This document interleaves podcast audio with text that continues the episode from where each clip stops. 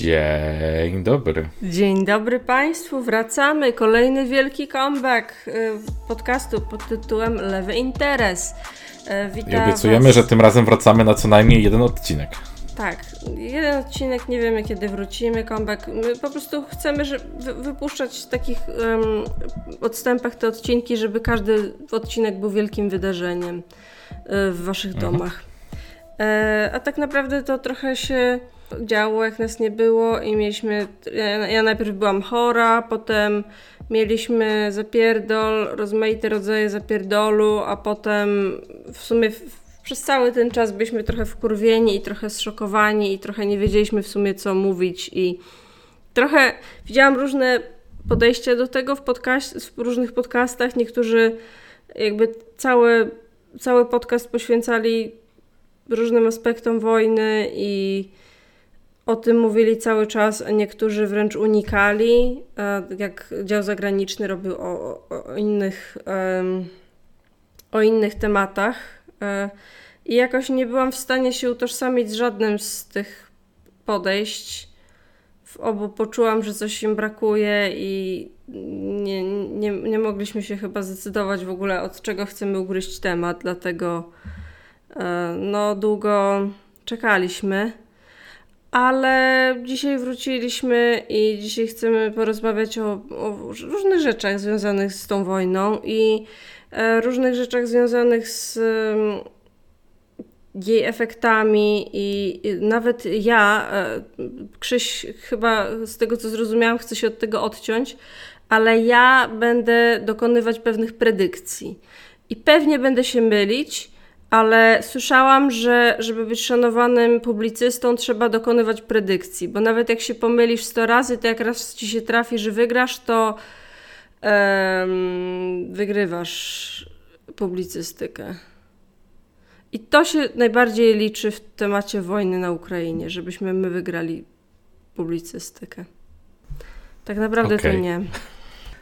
Tak, ja, ja mam troszkę mm, właśnie tak, tak sobie poczułem, że mnóstwo ludzi e, na YouTubie, nie wiem jak, jak na podcastach, bo ja nie słucham podcastów, szczerze mówiąc, ale e, zauważyłem, że jest taka tendencja do gadania naprawdę ogromnej ilości przemyśleń, komentarzy i w ogóle na temat spraw bieżących, ale jakby mam wrażenie, że co ja mądrego mogę powiedzieć na ten temat, nie? Jakby ja nie jestem ekspertem od e, zbrojeń, od wojny, nie jestem ekspertem od geopolityki. E, większość czasu nie mam nawet siły śledzić na bieżąco spraw na Ukrainie. Jestem na grupkach zajmujących się raczej pomocą ludziom, którzy są tutaj, niż e, jakichkolwiek. Nie śledzę za bardzo, szczerze mówiąc, newsów, jakby dzień po dniu, co się dzieje, co jakiś czas wchodzę zobaczyć. Po prostu jest to dla mnie za dużo i jakby próbuję się skupić na tym, co jakoś można zrobić. Jakby, okej, okay, nie, nie, mówię teraz tego jako jakaś braga, że ho, i to jest słuszny sposób, a in, in, inne sposoby jebać, bo oczywiście, nie, jakby warto jest o tym mówić i nawet gadanie czasami może trochę z dupy e, może mieć jakąś wartość tutaj, więc e, nie, nie będę jakby hejtował jakoś, po prostu ja się nie czuję na siłach e, udzielać tutaj jakiegoś komentarzy, jakiegoś e, właśnie opowiadania o tym, znaczy, zdarza mi się tak sobie gadać, jak gadam z mamą przez telefon, to często o tym gadamy i, i mówię, co mi się wydaje, ale to nie jest coś, czym chciałbym się dzielić jakby z jakiej, jakiejś tam platformy jednak. E, dlatego ja przygotowałem nam na dzisiaj e, trochę, trochę inny, e, inną rzecz, to znaczy ja przygotowałem nam powiedzmy taki take Ukraina, e, jak to szło w trakcie, gdy podejrzewam, że Amalia potem przejmie trochę Ukraina, jak to idzie. E, to znaczy ja opowiem troszkę o tym, co działo się wcześniej. I to dosłownie dużo wcześniej, od e, czasów Rusi Kijowskiej do Euromajdanu w sumie i tego, co nastąpiło w sumie zaraz po nim. Eee, I tak, to jest jakby mój, mój, mój tutaj wkład, mój take. Ja raczej będę siedział cicho przez du, du, dużą część. Eee, mogę co najwyżej pokomentować jakieś rzeczy odnośnie Polaków e, i, i, ich e, podejścia do pomocy, bo to pewnie też mi się coś tam uleje, ale to co, mogę zaczynać z historią?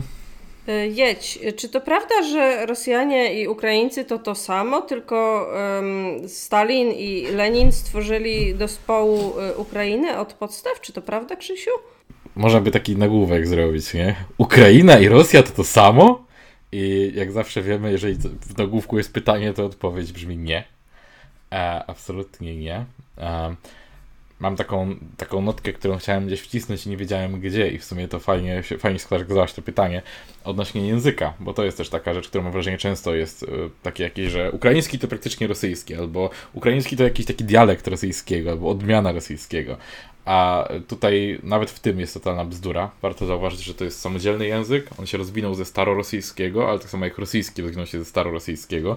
Starorosyjski jest zresztą często nazywany, nazywany po prostu starym wschodnim słowiańskim. Więc jakby y, mówienie, że to jest y, jedno, że, że ukraiński pochodzi z rosyjskiego, to jest trochę jak mówienie, że człowiek pochodzi od małpy, nie? że to jest takie uogólnienie, które e, w przypadku tego ewolucyjnego stwierdzenia często nie jest szkodliwe, że pomijamy, że od wspólnego przodka i tak dalej, e, ale w przypadku mówienia o językach i o krajach, które są obecnie na wojnie, to jest bardzo polityczne stwierdzenie i... Tak, i w ogóle nie wszyscy wiedzą, ale ukraiński współczesny ma więcej podobieństw z językiem polskim niż z językiem rosyjskim, jeśli chodzi o słownictwo. Jest więcej kognatów, jest więcej słów identycznych, jest więcej słów podobnych, y, fałszywych przyjaciół między polskim i ukraińskim niż rosyjskim i ukraińskim. Tak, i sam, same początki języka ukraińskiego można przesiedzieć nawet tak do od XIII wieku kształtowanie się osobnej, jakby osobnego języka. E, I tak naprawdę od około XVIII wieku już można widzieć taki wykształcony, dość współczesny e, ukraiński. E, I, I właśnie to nie jest. To jest taka rzecz, którą jakoś chyba ruska propaganda trochę za, za, zainspirowała i jakaś taka naturalna ksenofobia polska e, ludziom w głowach trochę zasiała, że a to to ruskie, nie? Nie, po prostu nie. Jakby to jest, to jest po prostu nieprawda. E, ale przechodząc do samej historii, jakby czy, czy, to są, czy to są te same kraje? Faktem jest, że e, można historię państwowości ukraińskiej i rosyjskiej przesiedzieć do wspólnego przodka i o tego przodka zresztą historiografowie z tych krajów się tłuką. E, jest to Ruś Kijowska. Rzeczywiście Ruś Kijowska jest takim wspólnym, wspólnym przodkiem e, Rosji i Ukrainy. Tylko, że jakby warto tutaj zwrócić uwagę, że to był e, od VIII do XIII wieku państwo, więc trochę dawno temu i to to ma znaczenie jakby przy rozpatrywaniu współczesnych jakichś claimów do bycia samodzielnym państwem. A dwa, przez prawie cały ten czas stolica była w Kijowie, więc jakby lamusy z Moskwy dupa cicho ogólnie, nie? Eee, to, to, to jest mój pierwszy take historyczny, ale tak przejdźmy sobie dalej od tego. Eee, po rozpadzie Rusi Kijowskiej tereny współczesnej Ukrainy należały częściowo do Królestwa Polskiego, a później Rzeczpospolitej Obojga Narodów, a częściowo do Złotej Ordy, a później Kanatu Krymskiego, tak ogólnie. Eee, i, I tam dość mocno jakby wykształcała się swego rodzaju tożsamość narodowa terenów, ludów zamieszkujących te tereny. Po rozpadzie Rusi Kijowskiej, tak, e, i kozacy zaporowscy, oni kontrolowali właśnie część Ukrainy i no, mieli kosę z Polakami ogólnie i kto czytał Ogień i Mieczem, ten wie o co chodzi, a kto nie czytał, to niech sobie przeczyta teraz szybko. E, I oni dogadali się z starem rosyjskim w, e, w XVII wieku. W wyniku też wojny polsko-rosyjskiej ówczesnej ostatecznie jakby car przyjął kozaków pod swoje skrzydła, częściowo im zagwarantował jakąś niepodległość, jakieś sam, samostanowienie, ale tak naprawdę było jakby od początku widać postępujące na przestrzeni 100 lat takie obdzieranie wszystkich pozorów tej niepodległości. I potem jak przyszły rozbiory Polski, to tak naprawdę też razem z tym ta Ukraina została właściwie w całości no, zaanektowana bezpośrednio już do państwowości rosyjskiej, jakby straciła te takie pozory jakiegoś samostanowienia. No i tak, tak sobie było, nie? Czyli ta część, ta część Ukrainy, która była w Polsce, również trafiła do Rosji. E, częściowo chyba też do, e, do, do, pod zabór austriacki, ale teraz, teraz mogę coś mieszać. W każdym razie Zarat upadł w rewolucji ludowej, w Kijowie powołano Radę Centralną i Ukraińską Republikę Ludową. E, ona była blisko powiązana z rosyjskim rządem tymczasowym i to jest takie trochę zamieszanie, bo ten rząd tymczasowy on powstał po obaleniu caratu, ale był taki mild, tak trochę siedział okrakiem na płocie i jeszcze nie był bolszewicki na pełnej, był socjalistyczny dość mocno i Rada Centralna też taka była.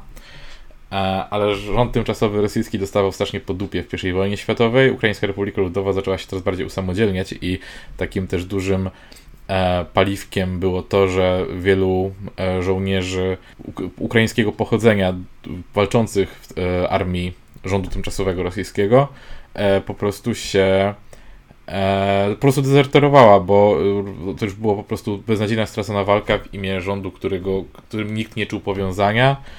Część tych ludzi wyruszyła na wojnę e, tak naprawdę jakby w sensie całe, całe właściwie życie służyło pod caratem, potem był, pojawił się nagle jakiś rząd, który, którego nikt, nikt, nikt go nie obchodził, e, zaczęli przegrywać, no to w sumie po prostu się wrócili do swoich, gdzie właśnie powstawała ich własna państwowość.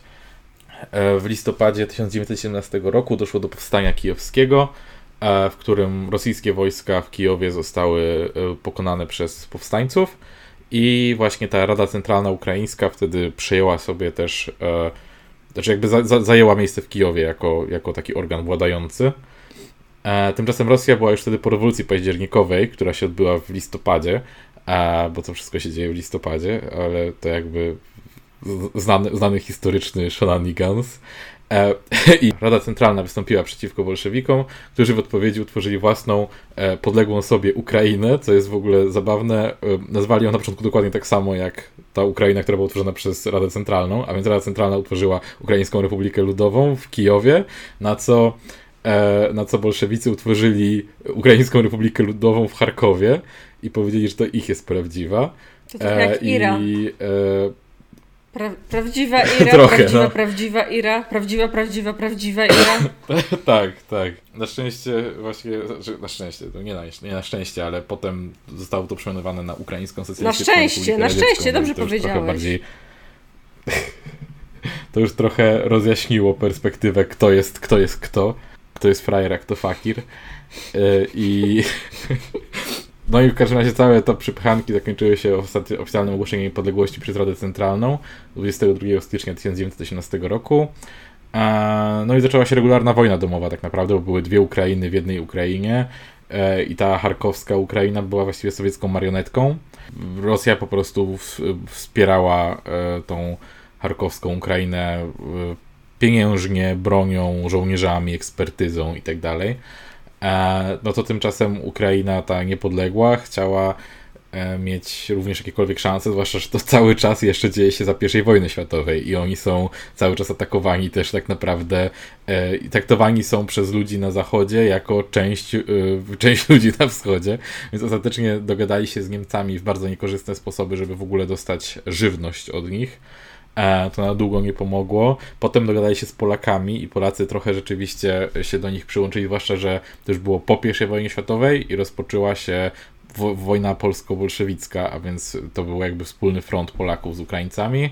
E, no i Polacy trochę tam powalczyli rzeczywiście także w obronie Ukraińców, ale jak się dogadali sami z, e, z ZSRR, czy no z bolszewikami, no to już było no to w sumie jebać tę Ukrainę, stwierdził, stwierdził Piłsudski i i powiedzieli, że też tam sobie róbcie co chcecie Rosjanie.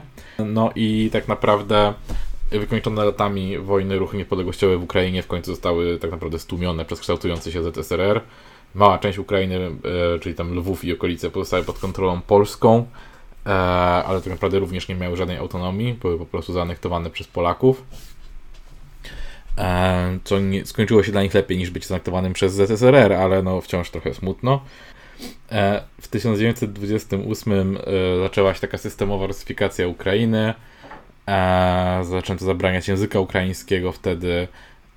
Zaczęto też właśnie w tekstach sprzed tego okresu często widzi się w Ukrainie, a potem widzi się na Ukrainie. To jest taka ciekawostka.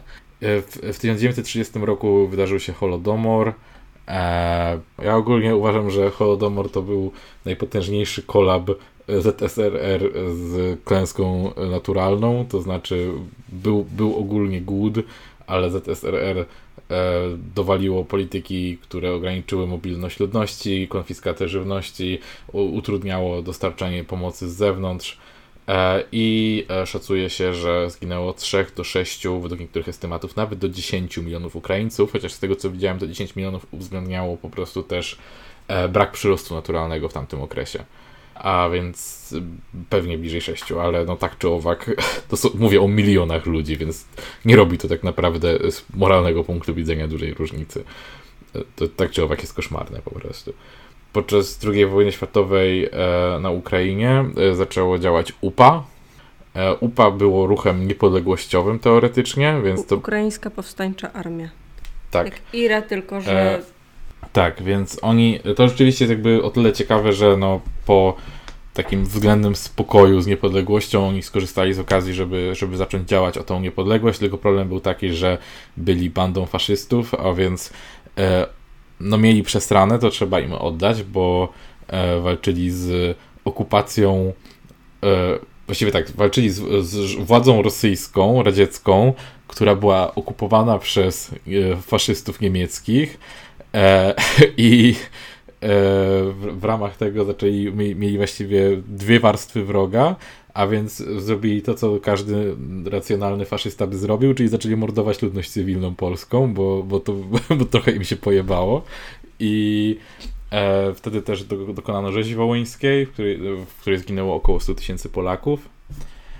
E, nie było to gór, głównym celem UPA absolutnie, no ale jednak e, dobrze to pokazuje jakby do czego, jak, jakie, jakie skupienie w walce niepodległościowej są w stanie uzyskać ludzie napędzani głównie skrajnym nacjonalizmem i faszyzmem. A w 1954 trzeba, roku... Trzeba dodać do... jedną rzecz, która myślę, że warto zaznaczyć, że oprócz tego, że była rzeź wołyńska, to też te, te ludobójstwa czy czystki etniczne, które miały miejsce między Polakami a Ukraińcami w tym okresie, były często wzajemne. Często one się z, z, zasadzały na takiej zemście, że oni wyrżeli ludzi z naszej wioski, to my wyrżniemy ludzi z ich wioski. I, i, I, także tutaj jakby nie powiedziałabym, że trochę sprawa nie jest taka czarno-biała, jak się przyjmuje często w Polsce, że to było po prostu ludobójstwo Polaków przeprowadzone przez Ukraińców i, i koniec. E, a jeszcze jedną rzecz chciałam powiedzieć, że e, tego się dowiedziałam w ogóle niedawno, ale e, jak widzicie gdzieś flagę czarno-czerwoną, która nie jest pod kątem, jak widzicie flagę czarno-czerwoną, która jest jakby po skosie, to, to dobrze, bo to flaga anarchokomunistów, ale jak widzicie flagę czarno-czerwoną, która jest to upa i jak widzicie na przykład na jakimś proteście proukraińskim tą flagę, to powiedzcie człowiekowi, żeby, tak wiesz, grzecznie podejdźcie i powiedzcie, żeby wypierdalał z tą ścierą. tak, tak, z tym się zgodzę, bo to, to jest trochę... E, kolorystyka jest tutaj trochę problematyczna, że no, ale w każdym razie. To jest w sumie smutne, że tyle, tak mało kolorów się jakby akceptuje jako kolory do flagi. Jest mało flag, które mają kolor różowy albo fioletowy. A są takie fajne kolory, które w sumie są jeszcze nie zajęte. Można było je umieścić w jakiejś fajnej fladze narodowej. No. Um, tak. Więc e, w 1954 roku do władzy w ZSRR dochodzi Kruszczew on zapoczątkował politykę lekkiego podlizywania się innym republikom ZSRR e, i w ramach tego dokonał transferu Krymu między Rosją a Ukrainą, między Rosją jako e, republiką, e, a w sensie należną, a nie z, z, jako, jako związkiem, bo Ukraina była ciągle częścią Związku Radzieckiego. Jakby usprawiedliwienie było takie, że, że Krym należał do, przed aneksją rosyjskiego caratu należał do Kanatu Krymskiego, jako taki był zauważenie powiązany z e, terytoriami Ukrainy, ale też istotne było to, że e, wcześniej dokonano masowych wysiedleń Tatarów krymskich, e, więc Krym był też jakby bardzo silnie ukraiński etnicznie i kulturowo. W 1991 roku Ukraina zyskała ostatecznie niepodległość, bo rozpadło się ZSRR i się zaczęła uwoln uwolnorynkawiać z dość mieszanym skutkiem. Czyli zaczęło się to od kilkuletniego kryzysu, Potem było trochę lepiej, a potem dowalił się globalny kryzys 2008 i było znowu, znowu źle. Potem przez chwilę było troszkę lepiej, a potem w 2013 roku było znowu źle, ale tym razem z pewnym, e, pełnym nadziei przesłaniem, dlatego że e, wtedy wydarzył się Euromajdan, który część z Was na pewno pamięta. I to było tak, że Janukowycz, który był ówczesnym prezydentem, zatrzymał działania na rzecz przystąpienia Ukrainy do Unii Europejskiej, bo był e, jebanym włazidupem Putina. E, na co Ukraińcy odpowiedzieli Euromajdanem, albo jak sami to często nazywają, rewolucją godności. I protestowali tak długo, aż Janukowycz został odwołany od władzy. I tutaj też warto wspomnieć, to również postać, którą, która było, o której było głośno trochę wcześniej. W 2010 roku były wybory prezydenckie, w których Janukowycz wygrał i on wtedy o 3% czy 3,5% wyprzedził Julię Tymoszenko. Ona była jego polityczną rywalką, za co on, jak wygrał wybory, wsadził ją do więzienia. I ona została też uwolniona i uniewinniona ze wszystkiego przez e, Sąd Najwyższy w Ukrainie właśnie w wyniku Euromajdanu, więc po trzech latach została w końcu e, uwolniona i do dziś jest aktywna w ukraińskiej polityce. E, swoją drogą po, po, po Janukowyczu e, Julia Tymoszenko również przegrała z kolejnym facetem, e, który, po, po, którym był e, obecny, e, obecny prezydent, którym jest bardzo głośno w mediach ostatnio. I to by było na tyle, jeśli chodzi o krótki przegląd e, historii Ukrainy od, od, od, od wieku XII do teraz, no powiedzmy XIII. Dziękuję bardzo. Tak, jeszcze jedna rzecz.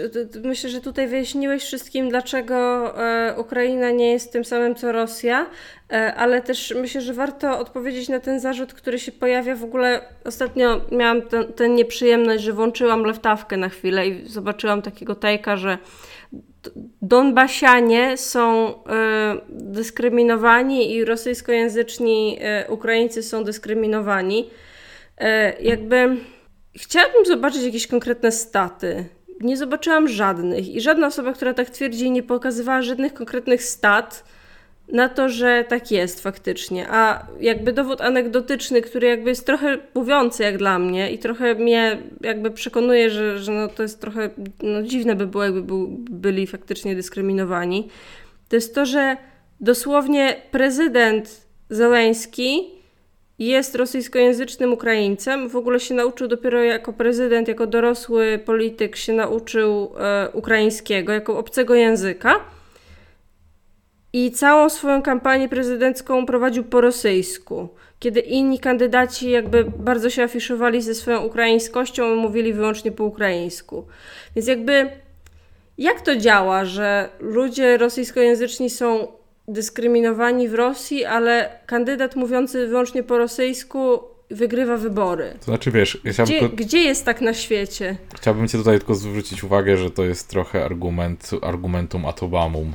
Argumentum ad Obamum to jest jedno, ale w, jeśli chodzi o jakby argumentum ad Obamum miało sens, jeśli ludzie, którzy uwa by uważali, że Ameryce nie ma rasizmu, mieliby na to jakieś konkretne statystyki, że nie ma. Ale są statystyki, które mówią, że jest. Mhm. No tak, tak, ale sam, sam, sam, samo powołanie się na to, że ktoś został prezydentem, jeszcze samo w sobie nie udowadnia, że dyskryminacji nie ma, nie?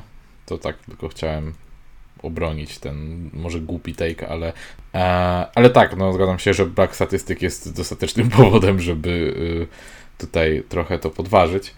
Um, ale zapomniałem... Bo możesz dostać, jakby, jak, jak poprosisz jakieś dowody na to, to dostaniesz jakieś takie totalne propagandowe opy w rodzaju chłopiec ukrzyżowany przez e, ukraińskie wojsko po 2014 roku. Bo ja właśnie zapomniałem, fotomontaż. zapomniałem powiedzieć o, o ważnej rzeczy, bo mi wyleciało z głowy, ale wiesz co się wydarzyło niedługo po tym, jak Janukowicz został odsunięty od władzy w 2014 roku? Ej, co się wydarzyło? Nie wiem, nie mam pojęcia. Zaczęła się wojna z Rosją i tak naprawdę trwa do dziś. Sama się zaczęła, czy ktoś ją wywołał? Nie wiem, ale bo jakiegoś tak nie mówiliśmy o tym, bo się, ja myślałem, że wojna to się zaczęła w lutym, a tutaj się okazuje, że w 2014 roku rosyjskie wojska se wzięły i weszły e, do, teraz do wszedłeś na Wikipedię i sprawdziłeś i ci wyszło, Kurwa, że teraz nie? weszli. Ale Kurde, jednak... Ja, by, ja myślę, że to jest efekt Mandeli, bo ja doskonale pamiętam, że wojna się zaczęła w 2022 roku, a, a tymczasem nagle się okazuje, że to w 2014 była już jakaś wojna i e, no, no nie wiem, no tak dla mnie to jest dowód na to, że ja, ja jestem, byłem w innym timeline wcześniej i coś się zmieniło i, i nagle się okazuje, że wojna była już wcześniej i po prostu wszyscy mieli to trochę w dupie, bo było za daleko od nas. No, trochę, znaczy teraz trochę słyszę, nie, nie rozmawiałam kiedyś z, z, ze znajomą e, zaraz po tym, jak się teraz wojna zaczęła, że jakby ona już jest taka od od tego oddzielona, no bo ona, no bo wiesz, ta, ta, wojna już trwa 8 lat, to żadna nowość w sumie, że, że jest wojna, więc w sumie czemu ludzie się tym stresują, ale jednak no, no nie ma, nie, nie, nie jest konflikt na tym samym etapie, co no było no, 8 lat temu. Oczywiście, że nie, to jest, jest zupełnie wyższy, wyższa skala i nowy poziom zjebaństwa, ale to nie zmienia faktu, że rzeczywiście jest to trochę... E, jest to trochę takie za, zawodzące, że tak długo w sumie było przymknięte oko na to całego zachodu. Tam to, to, to, to były takie reakcje na zasadzie o nie, Putin coś zrobił, a potem haha, żart o krymówkach i kurwa kończymy, nie? Dziękuję, do widzenia. Nie, nie było tematu. W sumie Więc... to jest dobry, dobry moment, żeby zacząć yy, się, krzyczeć o, o jebanych Polaczkach. Tak, tak. Jebane tak, Polaczki. W tak dupach im się przewraca od, ja tego, od tego konfliktu. Nienawidzę Polaczków. E, Polaczki teraz będą myślały przez dobre kilka lat o sobie, że są fajnym narodem, bo... Polacy będą, nigdy nie zapomną Ukraińcom e, tego, że im musieli pomagać i jestem pewien, że Ukraińcy zdążą... Będą im to wypominać do 36 wieku naszej ery. E, to, co, co mnie na przykład trochę zmroziło, to już widziałem e, w kontekście, e, było zdjęcie ciężarówki, na której była flaga Ukrainy z podpisem Wolna Ukraina, czy coś takiego i, i ktoś, jak, ktoś, chyba Polak podpisał to Polacy są najlepszym narodem i tak sobie pomyślałem, ja pierdolę. Znaczy, jakim sposobem jesteś świadkiem paskudnej wojny E, w której jeden naród okazuje, ciągle jedzie na przepraszam, jeden naród ciągle jedzie na narracji kulturowej i w ogóle ogólnej wyższości nad drugim i to, co z tego wyciągasz, to paskudna, paskudny nacjonalizm, ale jeszcze w ogóle w trzecim kierunku. Jakby to, to, to, to, to, to o, tym mogę, o tym mogę mieć take, że tak, pomagajmy. Pomagajmy ile możemy i poróbcie co możecie i jesteście super, jeśli to robicie. I ogólnie wolontariusze to są naprawdę bohaterzy, ale, ale dlaczego zawsze jak jakiś Polak robi coś dobrego, to 10 Polaków mówi, o tak, bo jesteśmy tacy mądrzy. E, tutaj robię mały tangent, jak będziesz chciała, to, to wytnij, ale mi się przypomniało, że kiedyś, kurwa, jechałem autem i wziąłem autostopowicza i autostopowicz opowiadał mi przez 15 minut o tym, że Polacy są najmądrzejszym narodem świata, bo on słyszał, że gra Wiedźmin jest super i jest bardzo lubiana na świecie i, i mówił, no i popatrz, jacy my jesteśmy mądrzy, że takiego Wiedźmina zrobiliśmy. E, I i nie dało się mu wytłumaczyć, że on osobiście nie ma żadnego wpływu na to, że Wiedźmin był dobrą grą. E, to tak samo tutaj mam wrażenie. Polacy, e, dosłownie, na każdego pomagającego Polaka wolontariusza przypada 10, którzy boostują sobie ego i będą masturbowali się do swojej rody, roli Chrystusa narodów oraz, oraz 20, którzy będą tłumaczyć, że E, a Polacy to też potrzebują pomocy, mimo że jeszcze kurwa miesiąc temu mówili, że każdy, kto dostaje pomoc od państwa, to jest pasożyt i powinno się go kurwa e, ten, na ulicę wyrzucać, więc jakby no w dupach się poprzewracało Polaczkom, to co to muszę Tak, w dupach się Polakom przewraca i najzabawniejsze jest to, że nadal jak e, na północy Polski w zonie pomagasz uchodźcom, to mogą cię za to zwinąć pały, a jak robisz to na Podkarpaciu, to wtedy jesteś bohaterem i wszyscy się brandzlują tym, jakimi y, oni też są bohaterami, bo ty jesteś bohaterem, a jesteś tej samej narodowości, co oni. Nie, ja to widzę też w moich jakby, w moim, w moim kontekście. Myślę, że nie, nie złamię żadnej tajemnicy, jak powiem, że u mnie w pracy, gdziekolwiek pracuję, jest teraz dyskusja na temat tego, czy, czy, czy, czy, czy brandy międzynarodowe powinny pracować e, z podmiotami osadzonymi w Rosji.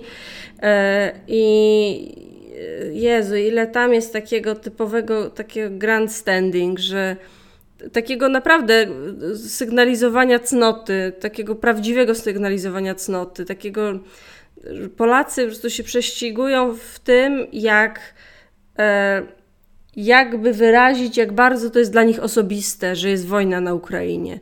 E, I przez to zostaje bardzo mało e, czasów we wszystkich kolach i spotkaniach na tym, żeby Ukraińcy się wypowiedzieli, jak ich osobiście dotyka wojna na Ukrainie. E, więc to jest taki tak problem, to... że za każdym razem, jak dzieje się cokolwiek na świecie, to trzeba ludziom, Polakom na pewno, ale pewnie nie tylko Polakom, po prostu na Polaków jesteśmy wyeksponowani, ale trzeba zawsze ludziom przypominać, mordeczko, to nie jest o tobie, nie? Po prostu to jest jakby, bo powi powinno za każdym razem, jak jest news o jakimkolwiek wielkim wydarzeniu na świecie, powinien być taki disclaimer, mordeczko, uspokój się, nie jesteś głównym bohaterem tej opowieści. Ale jesteś naszym ulubionym kwiatuszkiem, mimo to. No, więc e, tak to, tak to właśnie, to jest nasz take, wielki take o Polakach. To, tak. A jeśli chodzi o, dobra, to może teraz przejdziemy do sekcji z właściwą wojną. Trochę w ogóle powiem coś, co jak ktoś kojarzy historię mm, wojny w Wietnamie, to poprawcie mnie, czy to jest bardzo durne, czy bardzo dobre porównanie. Ale trochę mi się wydaje, że, e, no bo może zacznę od tego, że jakby plan Putina, a, a, wyciekło bardzo dużo informacji o planach Putina, bo wyciekły całe dokumenty przysyłane e, rosyjskim wojskom. E, no i generalnie planowali przejąć Kijów w ciągu dwóch, trzech dni, e, przejąć wszystkie większe miasta ukraińskie w ciągu tam kilku dni, bo nie spodziewali się żadnej, żadnego oporu ze strony cywilów. I, e, i, I w ogóle spodziewali się, że po prostu Ukraińcy się poddadzą i wszyscy, zdezer, wszyscy ukraińscy żołnierze zdezerterują i dołączą do rosyjskiej armii. I trochę mi to przypomina e, ofensywę TET. Jak ktoś kojarzy, w 1968 roku, już tak bliżej końca e, wojny w Wietnamie, Ho Chi Minh miał taką ideę fix, że e, żołnierze południowo-wietnamscy i cywile z południowego Wietnamu już tylko czekają, żeby północno-wietnamskie wojsko wkroczyło i e, ich wyzwoliło, żeby i wystarczy ich trochę, trochę zaatakować, żeby przeprowadzić małą ofensywę, żeby wybuchło wielkie ludowe powstanie w południowym Wietnamie, które obali Amerykanów i południowych Wietnamczyków i e, nastanie komunizm. No więc to się nie wydarzyło.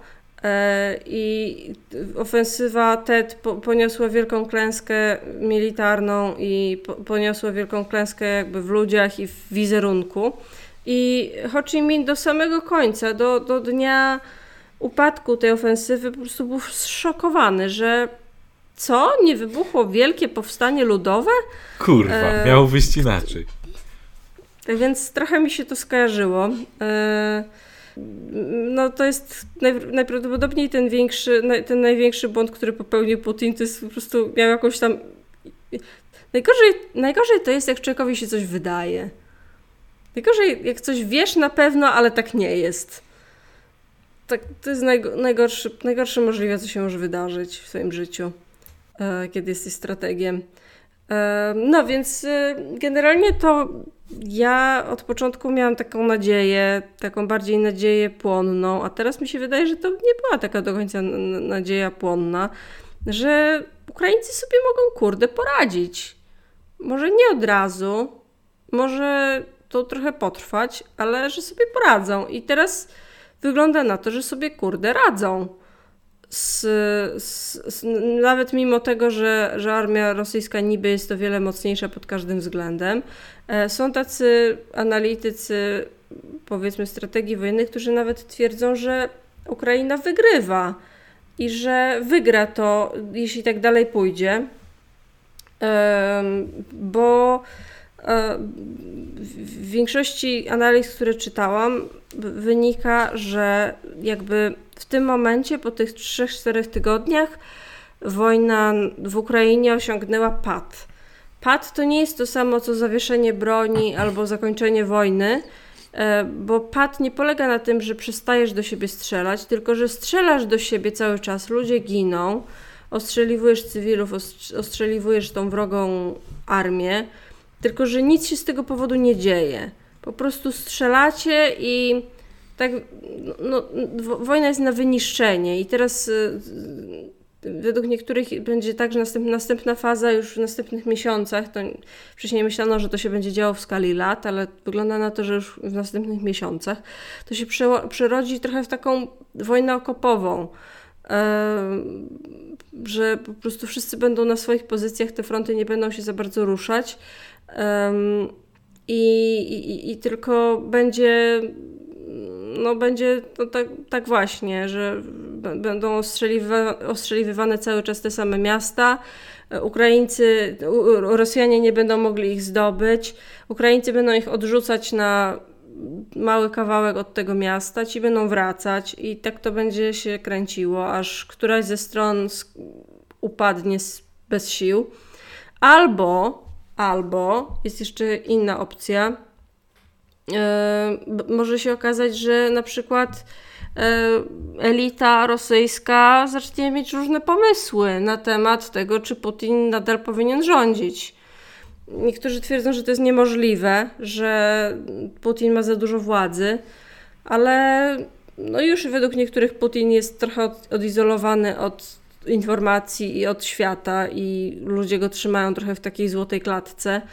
Więc nie jest to jakieś super niemożliwe, żeby y, ktoś go odsunął od władzy za jakiś czas, jeśli się znajdzie ktoś wystarczająco mocny, a są podobno tacy. Niektórzy mówią, że Ławrow al, albo Szojgu mogliby go zdetronizować. więc no, takie rzeczy mogą się wydarzyć.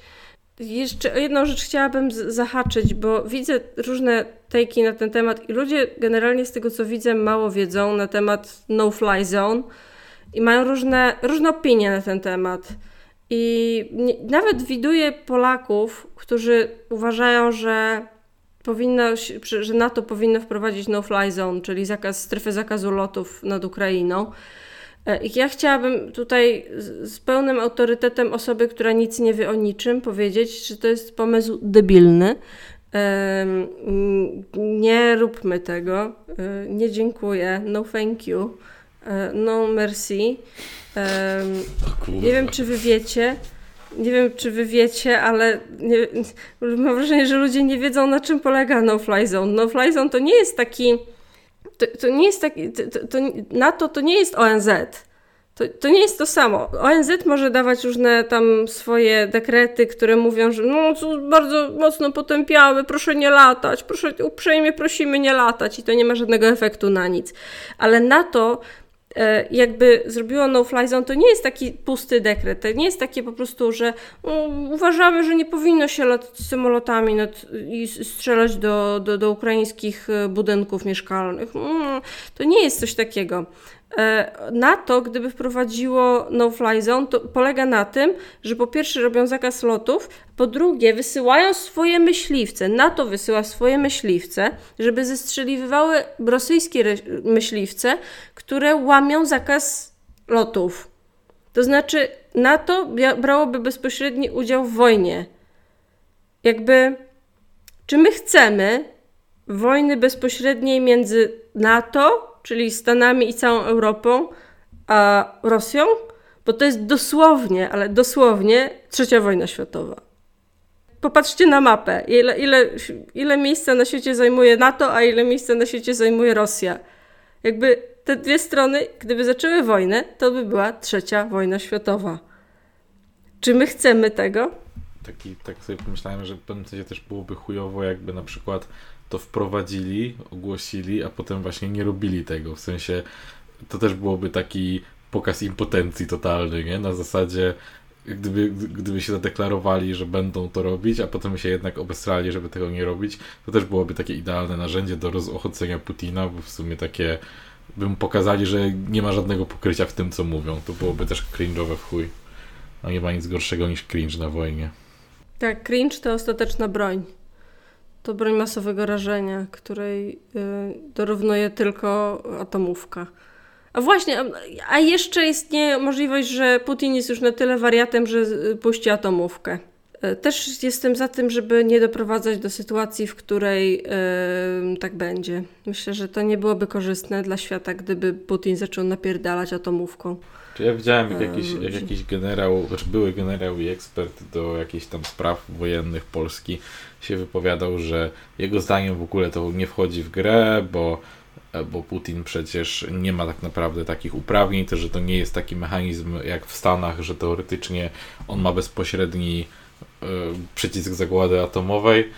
No ale to jakiś Polak zagadał, to co on może wiedzieć w sumie? Ja, ja, ja nie wiem, czy tak jest. Poza tym wszyscy mówią, że jakby, no nie, no Putin jest racjonalny, Putin jest cynikiem, on, on się nie porywa na takie rzeczy e, impulsywnie. Może nie jest cynikiem teraz, ale jak będzie czuł nóż na gardle, to ludzie się wtedy właśnie w takich momentach zaczynają zachowywać nieracjonalnie. E, kiedy już mają to poczucie jakby kosztów spalonych, że już są tak zainwestowani w coś, że już nie chcą się cofać, to wtedy ludzie zaczynają robić naprawdę durne rzeczy. Takie jak miotanie atomówką w obcych ludzi i ich rodziny. To już jakby miotanie w swoich ludzi było okej. Okay. Ale no, w swoich, no to już myślę, że nawet y, w sytuacji podbramkowej Putin by w Rosję nie próbował walnąć bronią atomową. Chociaż, kurde, no nie wiem. E, w każdym razie takie, takie są e, moje tejki na temat tego, co się dzieje obecnie e, na wojnie. No i, a, jeszcze jeden take na, na, na, temat no-fly zone jest taki, że z jakiegoś powodu Rosja nadal nie, nie, nie, nie, nie, nie uruchomiła całej swojej floty powietrznej. Nie, nie napierdala całą swoją mocą, jaką ma. Więc być może jest ku temu powód. I na przykład jednym z tych powodów jest to, że rosyjskie, rosyjski sprzęt jest w chujowym stanie, a personel jest chujowo wyszkolony. I nawet według oficjalnych danych Rosy, rosyjscy piloci latają połowę mniej niż wszyscy inni piloci na całym świecie, e, w sensie ci wojskowi. E, więc a, no i latają wyposażeni w komercyjne GPS-y, e, takie z Tesco za 20 zł. E, więc nic dziwnego, że pewnie, pewnie większość z tych, e, z, z, tych niby dostępnych samolotów tak naprawdę w ogóle nie jest w stanie latać albo nie ma kto nimi latać. Więc tym bardziej trochę nie widzę powodu, dlaczego akurat strefa zakazu lotów mogłaby się przydać Ukrainie, bo większość teraz tak naprawdę sił rosyjskich jest lądowych i wcale im nie idzie tak dobrze. E, więc jakby no jestem za tym, żeby Europa i NATO pomagało Ukrainie oczywiście na wszelkie możliwe sposoby, ale bez napierdalania bezpośrednio bronią w Rosję, bo to jakby Trzecia wojna światowa, tak jak mówiłam. Nie jestem fanką III wojny światowej. Miłym akcentem chciałabym przejść do y, tematu, który jest mi bliski, ponieważ wy nie wiecie, albo nie, nie wiem w sumie, czy o tym wspominałam już kiedyś, ale jestem samolociarą.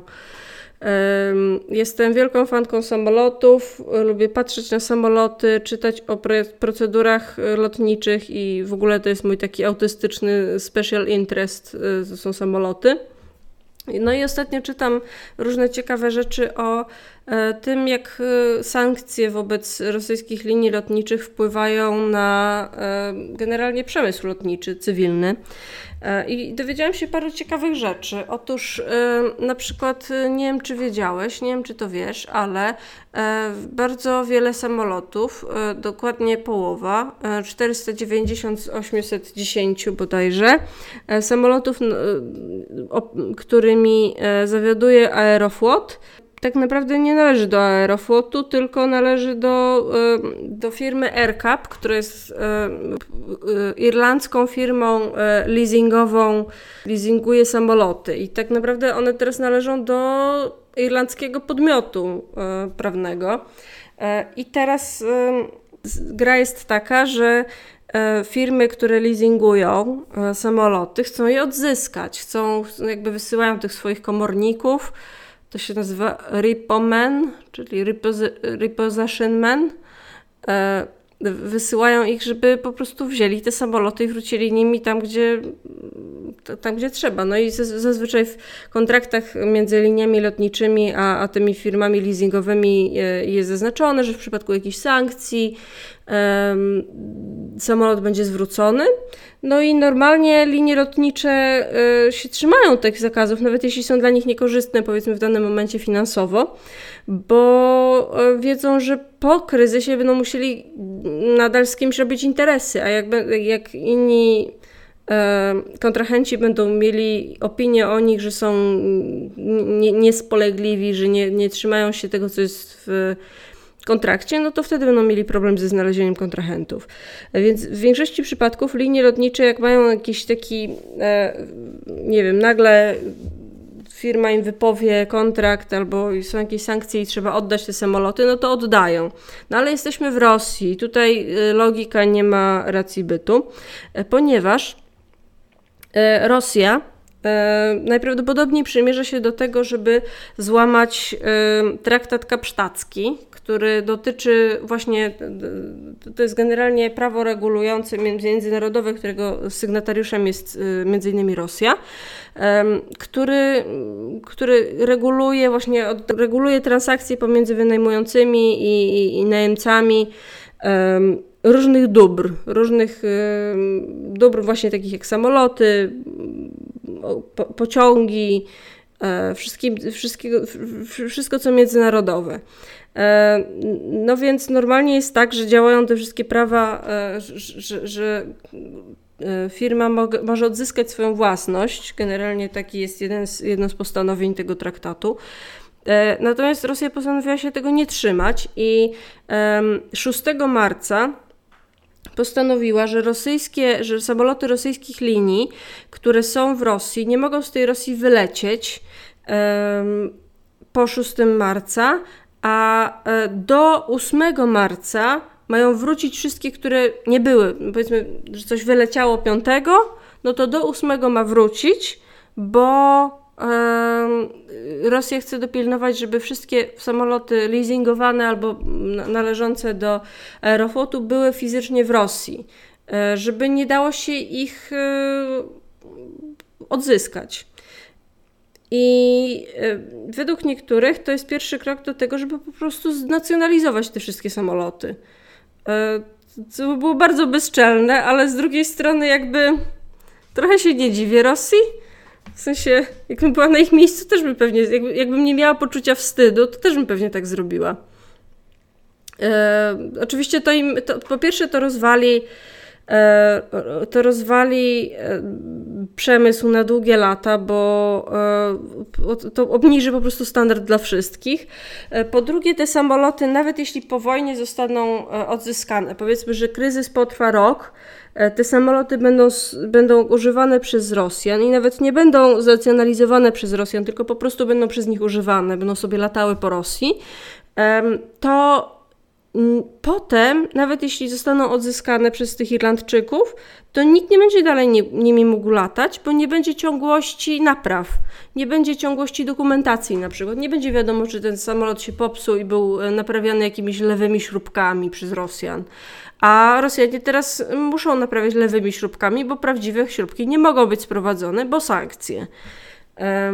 I, i, są takie samoloty, które, do których w ogóle nie można ściągnąć silników teraz zamiennych, e, więc Rosjanie będą musieli albo wymyślić coś lewego, albo nie naprawiać ich w ogóle.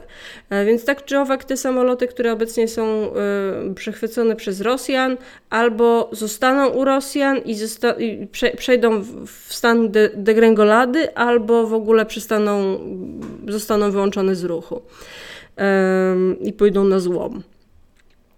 E, także to jest e, to, to, co się dzieje w lotnictwie. No i e, oczywiście Rosja odpowiedziała na sankcje, zamykając swoją, swoją przestrzeń kosmiczną, czy znaczy przestrzeń kosmiczną, swoją przestrzeń powietrzną.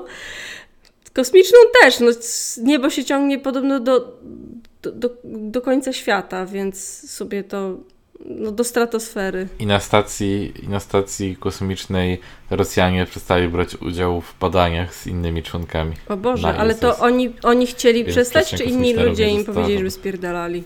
A w sumie nie wiem, jak, jak, jak do tego doszło, ale wiem, Mm. że doszło do podziału.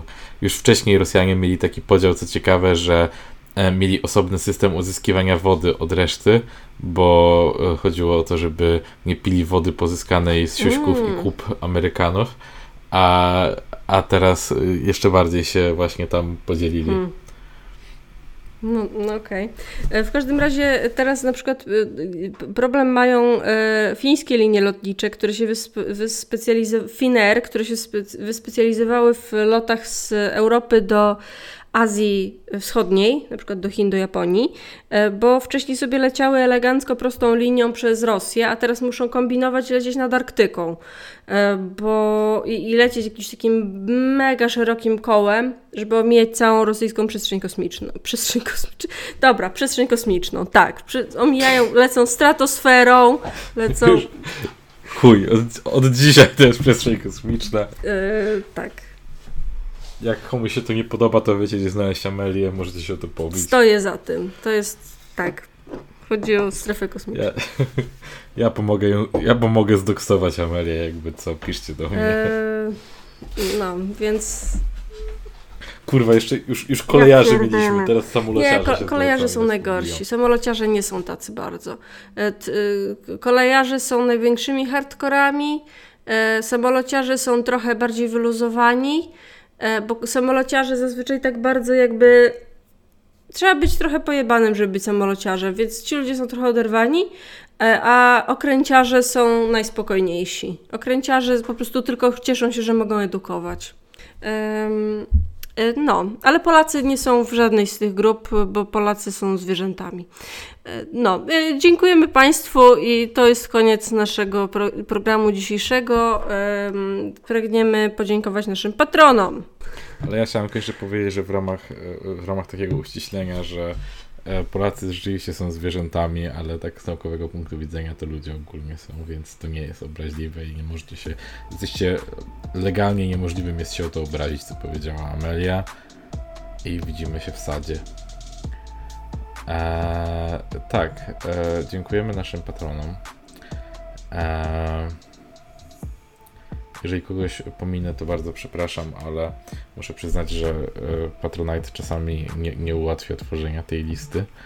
E, tak więc dziękujemy MF, Jean, Sylwia i Konrad, Michał Piotrowski oraz naszemu e, edytorowi dźwięku Szymonowi Krutowiczowi. Dzięki. Dzięki.